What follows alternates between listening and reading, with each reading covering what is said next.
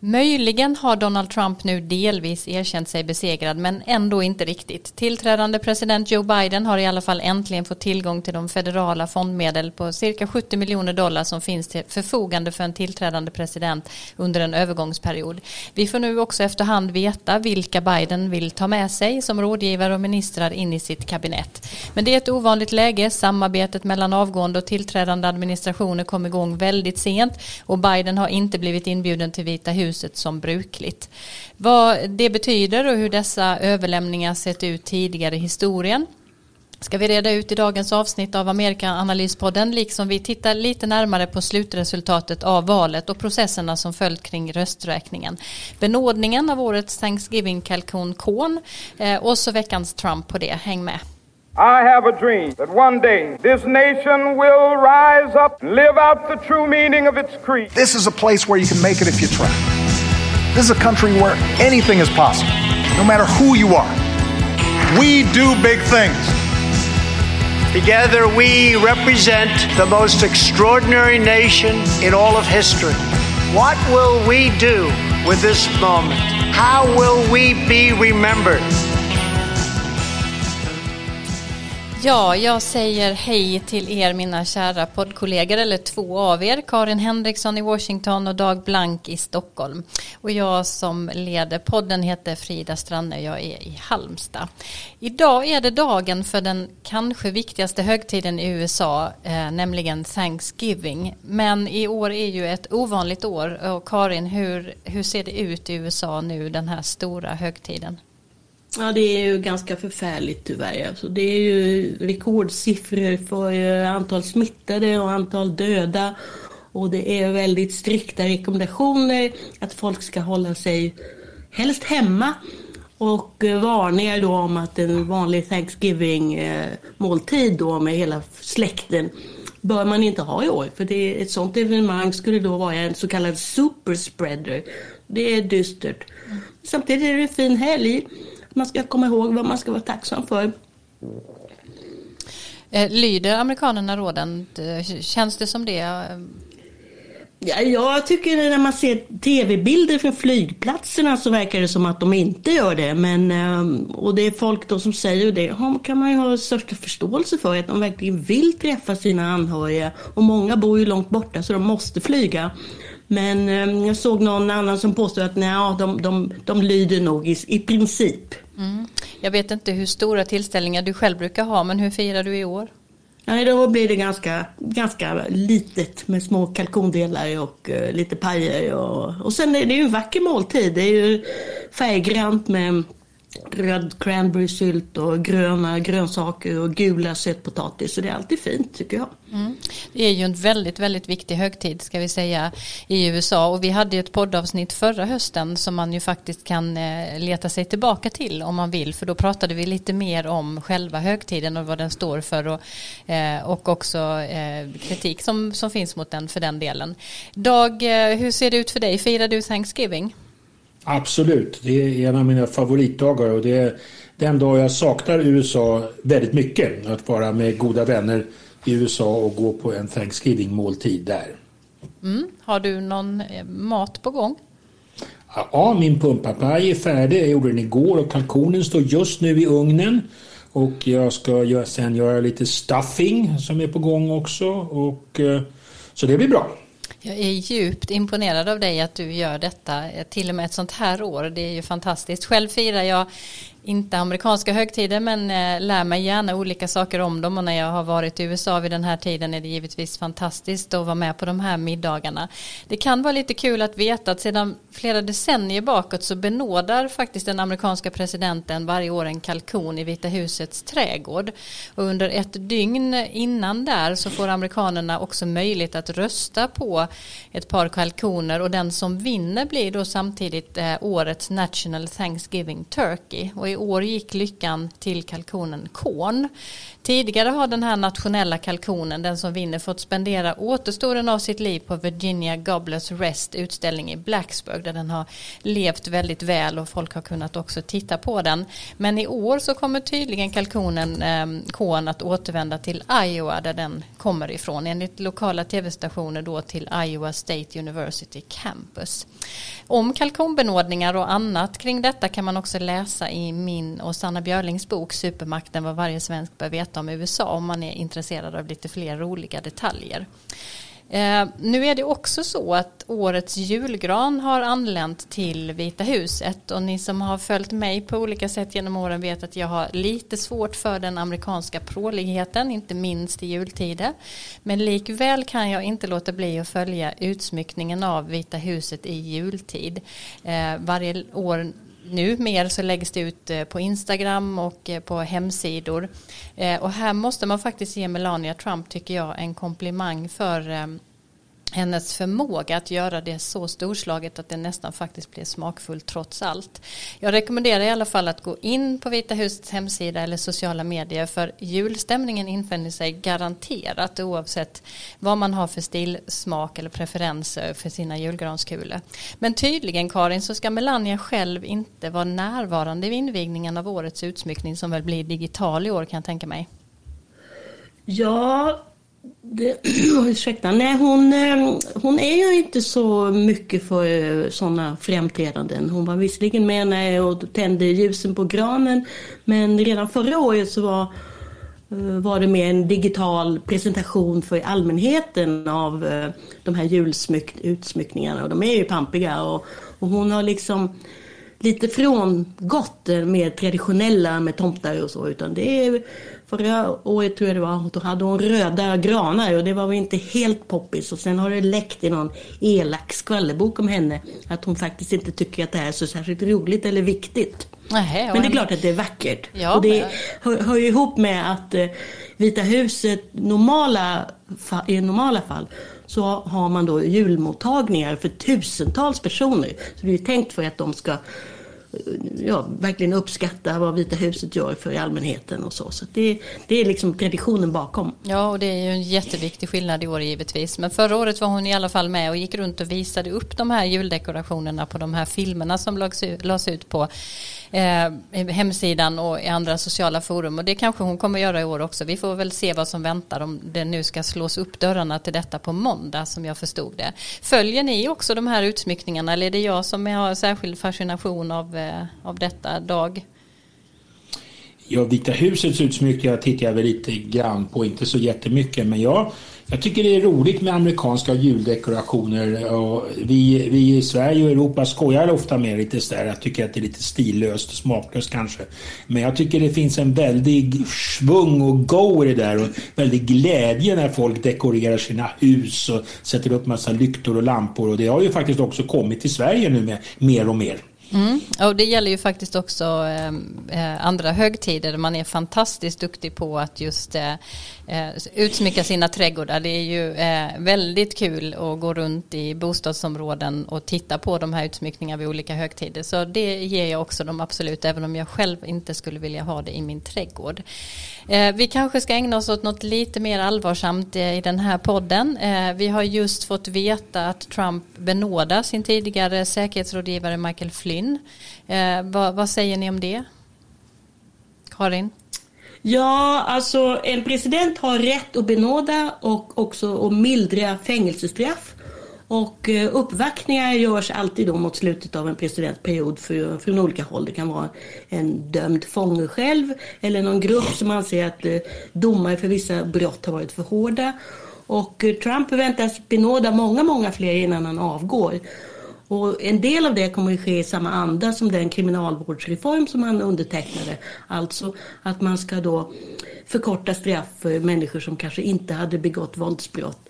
Men kontroverserna med honom gäller dels att han har redan benådat personer som stått honom nära och eh, dels då att en del av dem är kontroversiella och kanske också har begått eh, brott som man inte bör bli benådad för. Och eh, det är mycket frågetecken nu om han kommer till exempel benåda sin eh, kampanjchef Paul Manafort som ju dömdes för ekonomiska brott. Då lär det bli mycket protester och det finns ett exempel för inte så länge sedan som handlar om Bill Clinton. Han benådade en skatteflykting som eh, gömde sig i Schweiz. Och det gjorde han efter vädjanden från den här mannens förra fru som hade hjälpt Clinton att samla in pengar. Och det där lämnade otroligt besk eftersmak och påverkade eller rent av svärtade ner Clintons eftermäle. Och sen finns det då en del som påpekar att just i år det finns andra skäl att, att hjälpa människor att komma ut från fängelserna, nämligen att eh, smittohärdar eh, sprider sig väldigt snabbt i, de här överbefolkade fängelserna. Så det, det, är liksom en extra dimension av det just i år. Mm. Vad säger du Dag om det här att han benådar till exempel Michael Flynn? Ja, det är precis som Karin säger, det tillhör ju presidentens eh, befogenheter att göra. Det är inte ovanligt och kontroversiella benådningar finns ju. Det mest kanske kontroversiella, i alla fall på senaste årtiondena, var ju när Gerald Ford benådade Richard Nixon efter det att Nixon hade avgått. Och det var en av de första sakerna som Ford gjorde när han tillträdde som president i augusti 1974 var att benåda Nixon och det fick han ju väldigt mycket kritik för. Det är många som spekulerar i att det fanns en sorts uppgörelse där mellan eh, Nixon och Ford att han skulle avgå mot att han blev benådad. Mm. Jag tycker vi går över på vårt eh, första tema för dagen. Perioden mellan valet den första tisdagen efter den första måndagen i november och fram till den 20 januari när presidenten ska sväras in. Den är lång, två och en halv månad. Om den sittande presidenten förlorar väntas han underlätta maktskiftet för efterträdaren och det har skett för det mesta fram till president Trump. Men det finns eh, historiska exempel på lite krångliga sådana här transitionsperioder, överlämningsperioder och kanske du idag kan säga något om hur det brukar gå men också ge oss några historiska exempel som är särskilt intressanta att veta lite om. Ja, det var inte alltid så bra. De här transitionerna eller övergångarna, de kan vara svårartade ibland. Eh, till och med när det är mellan samma partier. Det är inte jättevanligt att det är samma parti med makten, men även där kan det vara problem. Så man ska inte utgå ifrån att det alltid går på, som på räls. Eh, det finns ju några exempel på, eh, nu har vi haft en problematisk övergång om man vill uttrycka sig diplomatiskt här den här gången. Eh, den kom ju inte igång förrän alldeles nyligen här. Och eh, tänker man på den kanske svåraste, mest problematiska övergången någonsin, det var den som ägde rum 1861. Efter eh, valet 1860 i november 1860 när Lincoln hade, hade valts till president eh, mot eh, fyra kandidater faktiskt eh, i det valet. Och övergången mellan Buchanan och Lincoln var den svåraste hittills eftersom att mellan den 20 december och den 1 februari 1861, 20 december 1860 då malet i november och 1 februari 1861 innan Lincoln hade tillträtt, då tillträdde man i mars på den tiden. Under den perioden så utträdde sju stater ur unionen, sju, sju, sju sydstater. Och eh, det blev ju naturligtvis inledningen till det amerikanska inbördeskriget. Så det var en mycket besvärlig övergång. Och eh, det var försök att rädda unionen men de misslyckades och eh, Lincoln och Buchanan reste dock tillsammans till Kapitolium och där höll då Lincoln sin installations sitt installationstal, sitt mycket berömda First Inaugural Address. Och om jag får citera en mening där eller två meningar mot slutet som har blivit eh, odödliga i amerikansk historia så sa han då, det var ett, ett, ett hade de utrett alltså, men det var ett väldigt eh, vänligt sinnat installationstal. Han ville försöka eh, skapa eh, olja på vågorna. Han sa We are not enemies but friends. Och sen sa han det här berömda The mystic chords of memory will yet swell the chorus of the union when again touched by the better angels of our nature. Och just detta the better angels of our nature. Han satte sin förhoppning till att det skulle ändå gå på något sätt att få USA att hålla ihop och man vädjade till the better angels of our nature. Kanske vårt bättre jag eller samvetets röst skulle till slut ändå hålla samman unionen. Och efter, efter kriget så återinfördes ju de eh, sydstaterna i unionen och eh, den återupprättades. Men det var ju den svåraste övergången naturligtvis. In, innan, delstater innan, innan du går vidare Dag så måste jag ändå säga som en reflektion där att det, det, just det där uttrycket också att vi är bättre än så här och vi ska leta upp vår sanna själ och, vårt bästa jag. Det är väl ändå någonting som sen har återkommit väldigt många gånger när man läser inte minst installationstal från olika presidenter. Så är det naturligtvis. Man, man vädjar till en sorts uppfattning om det amerikanska. Att det finns en union och att det betyder någonting. Va? Man kan ju fråga sig vad är kittet som håller samman USA? Det är en, en, en klassisk fråga. Det kan vi tala mycket om alltså. Och, och, här bröt den samman då 1861 främst över slaveriet naturligtvis. Och nu är det ju många som har talat om att stå inför ett inbördeskrig till och hur ska USA kunna hålla ihop den här gången. Eh, ännu har inte USA brutit samman, eh, men, men det gjorde ju en gång och, och, då precis, då finns det den här uppfattningen att det är någonting, något shit, the better angels of our nature, mm. som Lincoln talade om. Det har blivit väldigt berömt. Ja, och det kanske inte är en vild gissning, och, och, eh, eller åtminstone en god gissning att tro att kanske Biden kommer att plocka upp det i sitt tal eller någonting annat som vi känner igen därifrån. Ja, han har redan använt den här formuleringen att we are not enemies but friends. En, en variant av den hörde jag något av hans tal. När, när, kanske när han hade blivit utsedd som segrare. Mm. Så vill, han har ju hela tiden hållit sådana här enande tal och det, det ligger ju väldigt eko av Lincoln. Och den svåraste krisen någonsin som USA stått för, inför, det var ju där i vårvintern 1860-61. Mm, och då får vi lyssna extra noga på det i, i Bidens installationstal i januari. Men du har fler exempel på krångliga övergångar. Ja, kan, lite kort kan man ju tala om övergången 1933 32 och 33 efter valet 32 när Franklin Roosevelt vann under den stora depressionen och Hoover hade förlorat och de eh, var stora starka fiender och Hoover gjorde inte mycket för att underlätta övergången. Och även då så var ju installationen den 4 mars. Det var en väldigt lång övergångsperiod och Roosevelt hade till och med föreslagit att man skulle kunna genomföra en del av de här reformerna som han sen sjösatte omedelbart. Men det vägrade Hoover. Och som ett exempel, som ett resultat av det så, så kom sen till slut det 20 författningstillägget som antas som gör att man flyttar fram installationen till den 20 januari januari från, från den 4 mars. Så man förkortar den här övergångsperioden. Man kan säga att Roosevelt han bjöd aldrig in Hoover till Vita huset under den långa perioden som han då var president. Han var ju varit den som var president längst. Men man kan notera att Truman som efterträdde Roosevelt när han dog, han bjöd in Hoover. Hoover levde väldigt länge. Mm. Finns det fler exempel? Ja, man brukar också tala om eh, Clinton Bush 2000-2001. Och eh, det var ju en väldigt utdragen process på grund av omröstningen i Florida, att inte valresultatet blev klart. Det blev ju så försenat. Det var inte förrän i december då som man visste vem som vann. Och det brukar man peka på att det skadade den där övergången, att man hade så kort tid på sig. 11 september-kommissionen pekar till exempel på att eh, man, en av anledningarna till att USA var relativt oförberett för 11 september-attackerna var att den här övergången hade varit så kort och man inte hade riktigt kunnat uppmärksamma detta.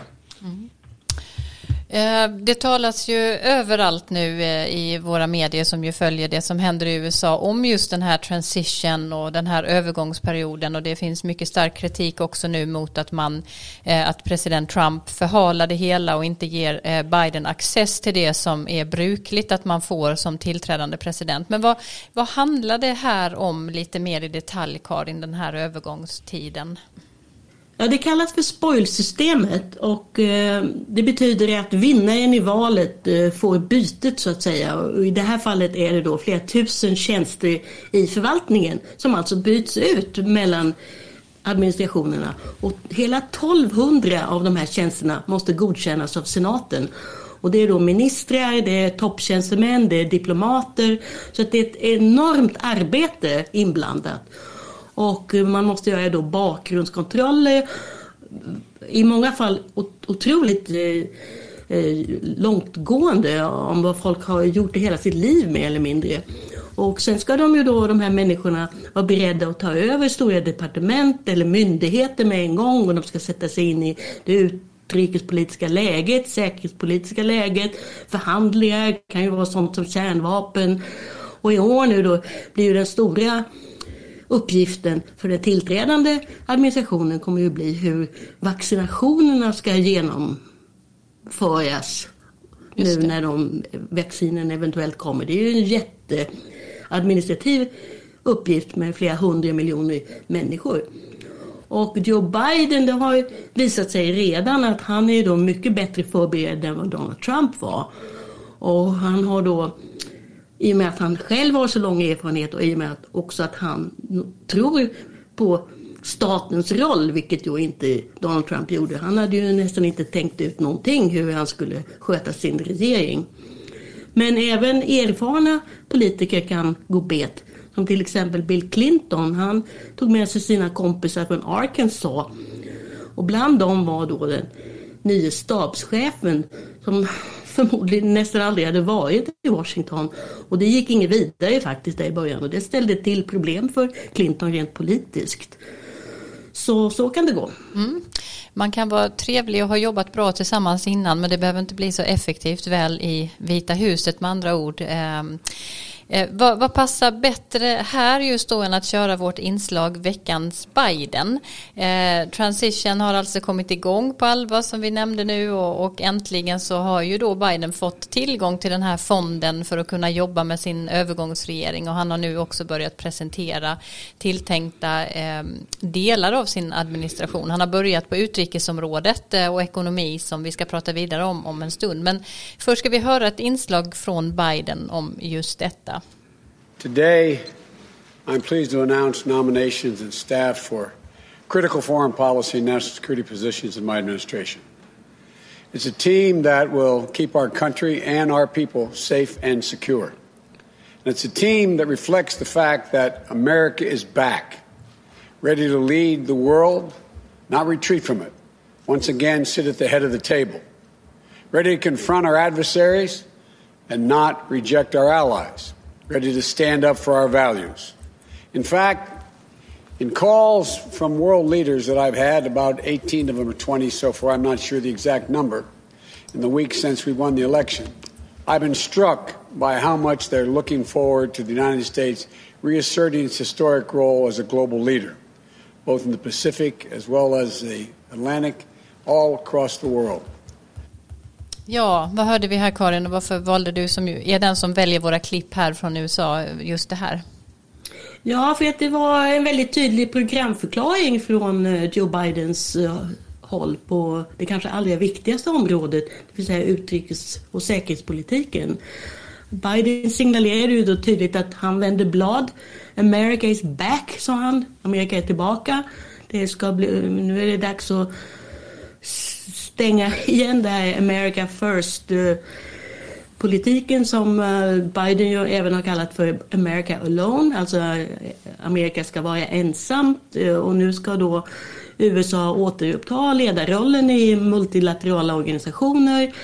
Och det är ju också då ett tecken på att Biden och hans, ja, hans nya grupp de anser ju att de flesta utmaningar som världen står inför, de måste tacklas globalt. Och det gäller då pandemin, det gäller klimatet, det gäller handelsströmmar och det gäller till och med fred i världen.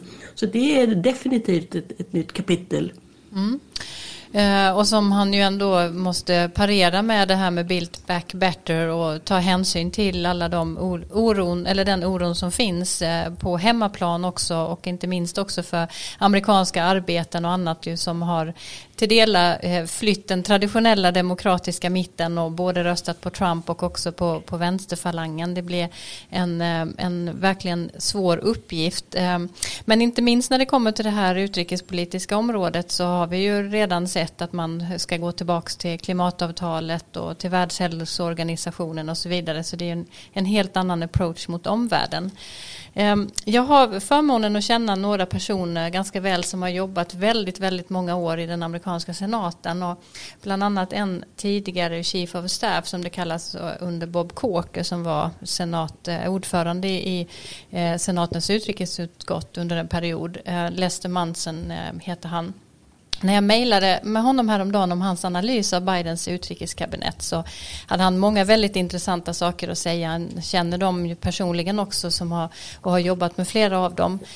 Eh, några kommentarer som jag fastnade för var att han uppfattade den här, de här personerna som okontroversiella, vilket ju kommer att krävas för senatens godkännande inte minst, och att de eh, alla var väldigt bra människor och kompetenta, men eh, ingen av dem heller politiker utan så kallade staffers, eh, och att det säkerligen kommer ut, eh, innebära att man inte, att de, ingen kommer utmana Biden på något sätt. Det är inte vad som kallades ett team of rivals som Obama satte samman utan eh, de här kommer att jobba på alla sätt för Biden och inte alls underminera honom eh, även om de skulle se några svagheter. Eh, det som oroade Mr Manson här var att den här gruppen med ministrar och rådgivare kanske då också samtidigt var lite för följsam. Och sen underströk han att valet av John Kerry som klimatsändebud var någonting där han förväntade sig att få många, se många problem för Biden. Dels för att frågan är kontroversiell bland republikaner och för att de också tycker väldigt illa om eh, Kerry på vissa sätt eftersom han var arkitekten och förhandlaren bakom avtalet med Iran. Eh, och kanske också intressant att eh, han påpekade att Kerry mycket väl själv också skulle kunna se sig som och också vilja med utifrån sin erfarenhet försöka påverka Biden i olika frågor och att det skulle kunna skapa problem. Det var några kommentarer bara som ju är, kan vara intressant att följa eh, framåt. Vad säger du Karin? Ja, det var intressant det där med John Kerry. Han har ju varit presidentkandidat och utrikesminister. Så att, mm. Men samtidigt kanske han är glad att komma in i värmen igen. Det vet vi ju inte. Han kanske kommer ligga lågt och är glad att, att få en sån stor roll ändå.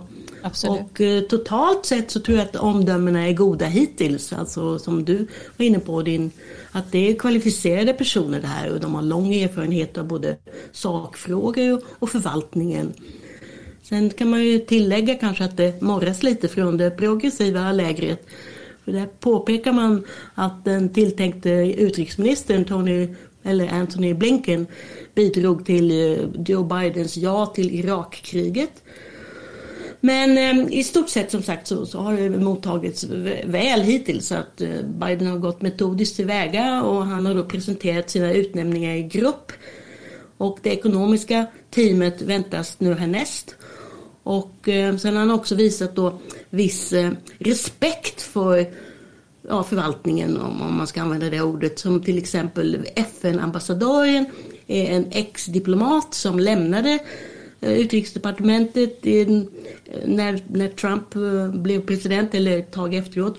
Och hon har då flera årtionden bakom sig som diplomat och det här är då en signal till State Department att nu ska vi lyssna på vad ni säger och följa era råd. Och det där är ju en väldigt eh, stor kursändring jämfört med hur det har varit under Trump. Mm. Och också kan man säga att i stort så är ju liksom, längtar ju liksom hela landet efter lugn och stabilitet. Och det gäller säkert även republikanerna i kongressen som ju alltså i senaten som ska ta ställning då till de här kandidaterna. Att till och med de kanske passar sig lite för att, att bråka allt för mycket med en gång. Mm, och här var ju ingen riktigt kontroversiell namn heller, eller hur? Nej, men det kommer säkert. Mm. Det gör det ju alltid. Mm. Och så säger man också att det kanske är 30, 50, 40 republikanska senatorer som kommer säga nej till allt som eh, Biden föreslår. Och några av dem är då så personer som tänk, som gärna ser sig själva kanske i, i Bidens roll och, eh, eller som president och eh, titta framåt mot 2024. Mm. Och sen ska vi jag ju då påpeka också att eh, den personen som jag hänvisade till ju själv då är också republikan och har jobbat för republikanerna i den amerikanska senaten under många år så att hans kommentarer utgår ju också med det perspektivet eh, vad gäller eh, de här olika bedömningarna av till exempel Kerry. Eh, ja, vi får ju anledning att följa detta. Nu ska de ju först godkännas eh, av senaten som sagt, eh, men sen kan, får vi ju säkert anledning att komma tillbaka lite mer i detalj på vad de här står för och vad för politik de kan tänkas driva.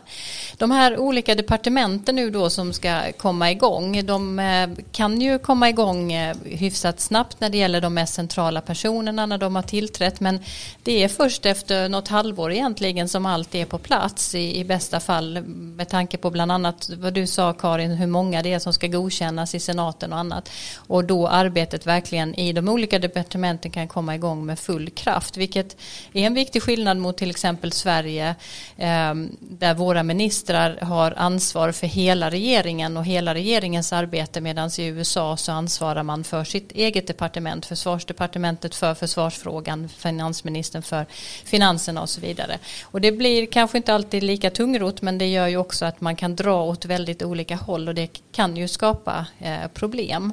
Eller hur Karin? Ja, och sen, ja, ja, det är klart att det kan, men sen är ju den amerikanska makten är ju centralstyrd så att säga från Vita huset. Så att de här eh, ministrarna då i sina sakdepartement har nog inte alltid så mycket att säga till om utan de får lyssna på rå, på mer eller mindre order som kommer från Vita huset och de får ju också så kallade talking points som de förväntas ha tittat på om de får frågor om någonting annat som inte berör deras direkta ansvarsområden. Så hör man alltid, ja men presidenten säger att. Mm. Så vi får se hur, hur, hur, självständiga de blir, hur tuffa de blir. Mm. Spännande. Ehm, det är många som oroar sig för nu vad som ska hända över den här, under den här övergångsperioden eh, och känner sig tveksamma till eller oroade för just vad, vad Donald Trump kan hitta på. Har du något att säga om det Karin? Ja, alltså jag tror du och jag har varit inne på det lite förut att det handlar väl kanske i första hand om Iran. Huruvida Trump då menar allvar med det som han har sagt tydligen i enrum i Vita huset om man inte kanske skulle passa på nu och, och anfalla Iran innan det är dags att byta president. Och sen är det ju planer då, de som redan är satta i verket mer eller mindre är ju då neddragningar av trupper i, i främst i Afghanistan. Någonting som militärerna i Pentagon motsätter sig och förmodligen även frågetecken om detta på andra håll för att det då blir en mycket osäkrare situation i det landet. Mm.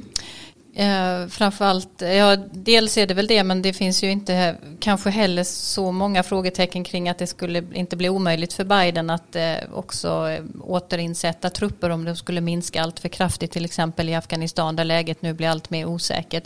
Även om det givetvis är också så att man måste ta hänsyn till inrikesopinionen som ju är trött på för mycket truppnärvaro runt om i landet och den kanske framförallt kostnaden som är förknippat med det inte minst utifrån hur Donald Donald Trump har pratat om de här frågorna under en lång tid. Så att det finns väl anledning att tro att det kan hända en del som verkligen kommer att påverka Biden när han väl tillträder. Jag tror precis som du sa Karin där att Iran är kanske den absolut eh, viktigaste frågan i det här sammanhanget och där det finns eh, många Irankännare som menar att Biden nu verkligen måste ta diplomatiska kontakter ganska omgående för att eh, se till så att man får ner spänningarna som faktiskt har eskalerat på sista tiden. Och här vet vi också att eh, de tillträdande ministrarna och säkerhetsrådgivarna har en väldigt positiv syn på det avtal som fattades 2015 och eh, kommer att vilja verka i den riktningen.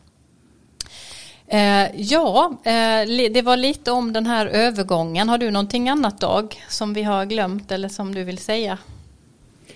Jag vill inte tillägga något direkt till det här, men som sagt att det, det, är, en, det är inte alltid en helt lätt process. Och det, som Karin säger här, det, det är ett så stort antal personer som ska bytas ut i det här systemet och det tar lång tid. Vi kan ju minnas att det tog ju flera år till exempel innan vi fick en ny amerikansk ambassadör i Stockholm på plats. Det var kanske inte den högst prioriterade posten, men det visar bara att det kan ta lång tid för det här lite tungrodda systemet. Och det visar ju också att vi har ju i Sverige ett system där vi har en, en, en förvaltning som ska vara neutral och som en byråkrati som fungerar oavsett vilken regering som sitter vid makten. Så är det ju inte i USA. Nej, finns det något? Jag kan säga en sak till bara, nämligen om, om som sagt det är nästan två månader kvar. Och eh, Trump har ju då redan, det har ryktas lite om det och några saker har redan inträffat. Att han kommer att vilja genomdriva det som han verkligen tror på de senaste, alltså nu, nu framöver. Och eh, det gäller till exempel att han har satt, eh, tillsatt personer i just denna förvaltning som kan bli svåra att avskeda för, i alla fall inte med en gång. Så att det, det där är liksom frågan igen om Trumps personlighet. Om han vill hämnas mot Biden på det här mm. sättet och göra det svårare för Biden att uh, tillträda. Mm. Och det är ju en, en, fråga som man kan vara särskilt oroad också över då gentemot Iran. Att eh, göra saker som kan provocera reaktioner som skapar väldigt stora svårigheter för Biden att sen lyckas eh, återvinna förtroendet för USA. Men jag tänkte också Dag på, har, har, du något sånt där departement eller någon minister som du ser särskilt eh, fram emot att veta vem det blir eller frågor att följa? Ja, vi vet ju att justitiedepartementet är ett väldigt viktigt departement och vi har ju sett hur Trump har använt justitiedepartementet och haft en väldigt lojal justitieminister. Så det ska bli väldigt intressant att se vem det blir som, vem som blir justitieminister och hur den personen kommer att agera. Mm. Också spännande, självklart. Vi har också i den här podden eller kanske har haft det under hela tiden vi har sänt sen förra hösten någonting som vi kallar för veckans eh, Trump och det är alltid Karin som håller spaning på vad Donald Trump har sagt och inte sagt under de senaste avsnittet. Eh, men ehm, som vi konstaterade redan i förra poddavsnittet så har det varit eh, väldigt osynligt sedan valdagen. Donald Trump har inte uttalat sig speciellt mycket men i tisdags så trädde han fram två gånger och först lät det så här. Well, thank you very much, and I just want to congratulate everybody. The stock market Dow Jones Industrial Average just hit 30,000, which is the highest in history. We've never broken 30,000, and that's just despite uh, everything that's taken place with the pandemic. I'm very uh, thrilled with what's happened on the vaccine front. That's been absolutely incredible. It's, uh, nothing like that has ever happened medically, and uh, I think people are acknowledging that, and it's having a big effect. But uh, the stock market's just broken 30,000. Never been broken, that number. That's a sacred number, 30,000. Nobody thought they'd ever see it. Uh, that's the ninth time since uh, the beginning of 2020, and it's the 48th time that we've broken records in during the Trump administration. And I just want to congratulate all the people within the administration that work so hard. And most importantly, I want to congratulate the people of our country because there are no people like you. Thank you very much, everybody. Thank you.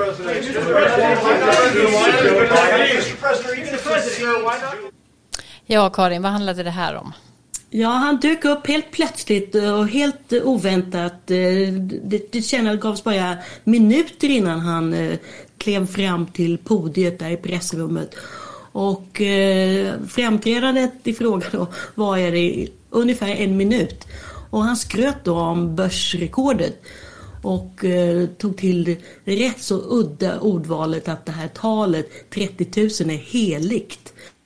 Och han har hela tiden använt just Dow Jones index som en mätare på sin egen framgång. Och det ska man då påpeka att det här Dow Jones index det representerar inte hela näringslivet. Och sen är det också då många som inte skulle hålla med om att just detta är det bästa måttet på tillståndet i landet. Och sen senare samma dag så var det ju det andra framträdandet, det var ju benådningen av kalkonen Korn. Men han pratade om börsen då också. Och eh, med samma mönster, att inget omnämnande av coronasmittan eller dödsfallen i covid som är otroligt många. Och eh, Trump han, han var säkert angelägen om att, att se till att familjen Flynn skulle få en trevlig Thanksgiving men benådningen då av, av den förre säkerhetsrådgivaren innebar samtidigt att Joe Bidens hälsning till nationen ungefär samtidigt överskuggades nästan helt. Och Biden sa då att, eh, att folk befinner sig, alltså amerikanska folket befinner sig i kris krig mot ett virus, inte med varandra. Mm, det har vi också sett i hans sociala medieflöde faktiskt att det kommer upp väldigt eh, starkt som ett starkt budskap framåt. Ja, det var det. Eh, det är väl kanske inte riktigt den sista veckans Trump men eh, det kommer ju att övergå i lite andra veckans citat på olika sätt framåt. Men tack så mycket för det så länge.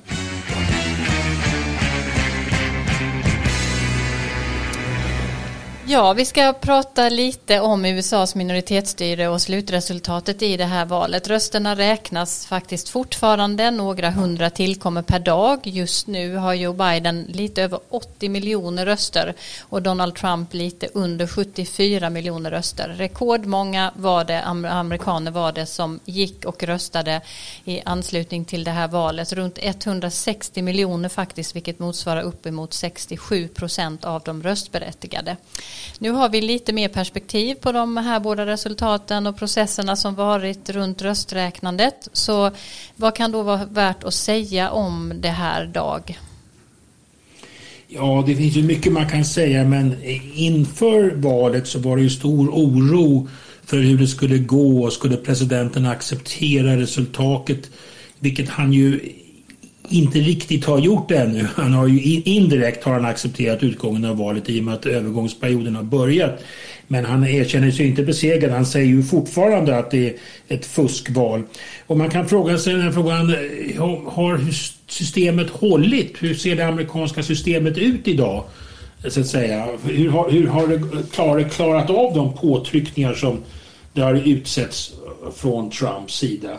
Och det kan man ju fundera på. Alltså, jag, jag satt lite fixerad framför tvn och tittade på eh, mötet med the Michigan State Board of Canvassers. Det var, vi har fått lära oss många nya nivåer och okända personer hittills i det amerikanska politiska systemet. Det gällde när Michigan skulle godkänna, officiellt godkänna resultatet. så att så certified som man talar om och då skulle officiellt de här rösterna, elektorsrösterna tillfalla Trump och där utmanade ju Trump hela tiden systemet och hans anhängare genom en lång, lång rad domstolsstämningar eh, eh, där man ifrågasatte resultatet. Men det fanns ju då, eh, det stod, där kan man säga att systemet stod emot eftersom det till slut godkändes. Och det fanns då enskilda personer, en republikansk ledamot av eh, detta State Board of Canvassers, Aaron van Langevelde, som då röstade för att godkänna resultatet medan han, den andra republikanen avstod från att rösta. Så där kan man ju säga att systemet höll, att den lokala nivån höll emot här. Å andra sidan måste man ju också som, som eh, Tim Alberta skriver i Dagens Politico en väldigt bra artikel. Han går igenom också Michigan. Han tar fram den där Aaron van Langevelde som höll emot. Men man måste ju säga att förtroendet för det hela är ju skadat och det är väl väldigt allvarligt att så många människor ändå tror att det här är ett illegitimt resultat. Mm. Det är en observation som jag har. Mm. Ja, verkligen allvarligt det sista du nämnde. Vad säger du Karin? Jag håller ju med och eh, sen kan man kanske också säga då, eller tydligare säga att eh, det är ju inga av de här stämningarna som har gått vidare. Så det är ju ett jättefiasko på det sättet för Trump. Men eh, han, han tycks fortfarande någonstans innerst inne hoppas att det ska gå till Högsta domstolen. Men det är han nog ganska ensam om. Det är inget som, som tyder på det. Och ja, det är ju då återigen en ett exempel på att Trump inte vill ge sig. Han, igår så skulle han egentligen ha åkt till Pennsylvania där eh, eh, hans personliga advokat då, Rudy Giuliani höll möte för att se till att man skulle ogiltigförklara röster i Pennsylvania. Och eh, Trump åkte inte dit för det var tydligen någon som hade coronasmittats i närheten. Utan han, men han ringde dit och sa att det här är ett riggat val. Så han, han har ju inte gett sig. Men hur som helst så, så, så är det ju så att det har varit skadligt för den amerikanska demokratin det här ifrågasättandet. Eller ifrågasättandena ska man säga. För de har ju egentligen pågått ända sedan Trump vann valet 2016. Han pratade ju redan då om att miljoner röster hade försvunnit som egentligen skulle ha gått till honom. Och som Dag sa, det är ju häpnadsväckande att det är så många i den, så stor andel av den amerikanska allmänheten som är beredd att tro på det här. Och då är ju då frågan vad framtida politiker kommer att göra. Om de kommer att göra som Trump eller är han unik? Och så betyder ju allt det här då att de egentliga problemen med valsystemet, de kommer ju i skymundan, alltså det som vi kallar för voter suppression, som går ut på att eh, stoppa människor från att rösta. Och det är ofta då en viss typ av väljare man inte vill ska rösta. Det vill säga de som röstar på det andra partiet, ofta då republikaner som har stor makt i just lokala röstlängdsförfaranden och så. Mm. Vi har ju skrivit en del om det på olika håll. Du har skrivit om det på bloggen eh, Karin väl, eller hur? Ja, jag har skrivit ett inlägg som jag kallade för det permanenta minoritetsstyret som då lite mer i detalj går igenom de här förhållandena med elektorskollegiet och representationen för delstaterna i kongressen. Som ju gör att det är en, en röst i Wyoming väger som väldigt, väldigt mycket mer än en röst i Kalifornien. Och det finns då beräkningar som visar att eh, om nu Republikanerna vinner de här bägge senatsvalen i Georgia som ska hållas den 5 januari, vilket är sannolikt, då kommer ställningen i den nya senaten bli 52 eh, republikaner mot 48 demokrater. Men de här 48 demokraterna, de representerar 20 miljoner fler invånare än republikan, de republikanska senatorerna. Och det här kommer bara öka på sikt den här diskrepansen mellan landsbygdsstater, om man kan kalla dem för det, och storstadsstater. För folk flyttar ju till de här mer dynamiska staterna. Antingen de ligger i södern eller sydväst eller längs Atlantkusten. Så det här kommer tillta och det kommer öka spänningarna i det amerikanska samhället ännu mer. Mm. Det är ett permanent problem så att säga. Det är en väldigt, väldigt bra artikel på bloggen som, som ligger där. Eh, bara sedan några dagar tillbaka så rekommenderar det. Jag har också skrivit en del om detta tillsammans med Magda Gad i Expressen, lite längre reportage och eh, förklaringar kring det här med voter suppression som ju verkligen, verkligen är en, en fråga eh, kring eh, hur väl det demokratiska systemet fungerar och hur vissa människor faktiskt eh, Eh, på olika sätt eh, förtrycks i sitt i sin möjlighet att rösta. Är det några andra observationer att göra kring det här som har hänt sen sist? Som vi inte har tagit upp. Man kan ju, apropå fortsätta på det här temat med minoritetsstyrt, man kan ju notera att nu enligt de senaste siffrorna jag såg så har Biden fått, jag tror det är, är det inte 51 procent av alla avgivna röster och Trump ligger någonstans på drygt 47. Så det är ju, om man räknar på the popular vote så är det ett ganska tydligt utslag alltså. Eh, och eh, det är ju det här, precis som ni är inne på, det här väldigt jämna valet. Det är väldigt jämnt i ett antal delstater som vanligt. Va? Men, men, men igen, om man ser på eh, the popular vote så är det ju ganska klart seger för Biden. Det är ett jämnt val men inte extremt jämnt i den bemärkelsen. Nej, får jag säga det? Nej, det är tvärtom så att, att uh, övertaget i popular vote kommer bli stort. Mm. Och det är mer än 6 miljoner röster fler än vad Trump fick. Och, eh, men däremot i elektorsröster så blir det precis tvärtom mot vad det var förra gången. 306 för Biden och 232 för Trump. Så att eh, det är lite lustigt. Mm. Och sen är det som vi pratade om förra poddavsnittet eh, vet jag också att Biden ju för, eller förlåt Trump fick ju faktiskt samtidigt väldigt eh, många fler röster detta året än 2016 och han har ju en eh, mycket tydlig ambition att hålla liv i den här väljarkåren och eh, föra över den på olika sätt eh, eh, i nya sociala forum och på andra sätt inspirera och underblåsa de misstämningar som finns och det är ju verkligen en faktor framåt att följa och som är oroande på olika sätt. Eh, ja, vi brukar avsluta våra poddavsnitt med att ta upp några bortglömda nyheter som inte har fått så mycket plats i nyhetsflödet eftersom vi har ju en tendens att fokusera på ett fåtal händelser åt gången. Vad har ni båda märkt eller tänkt på de här senaste veckorna som ni tycker hade förtjänat mer uppmärksamhet, Dag? Ja, det var en nyhet som kom häromdagen som ansluter till något som Karin ofta talar om, nämligen miljöpolitiken. Och det var GMs beslut att inte stödja Trumps försök att avreglera utsläppsregler och så vidare. Det handlar om hans kamp mot reglerna i Kalifornien.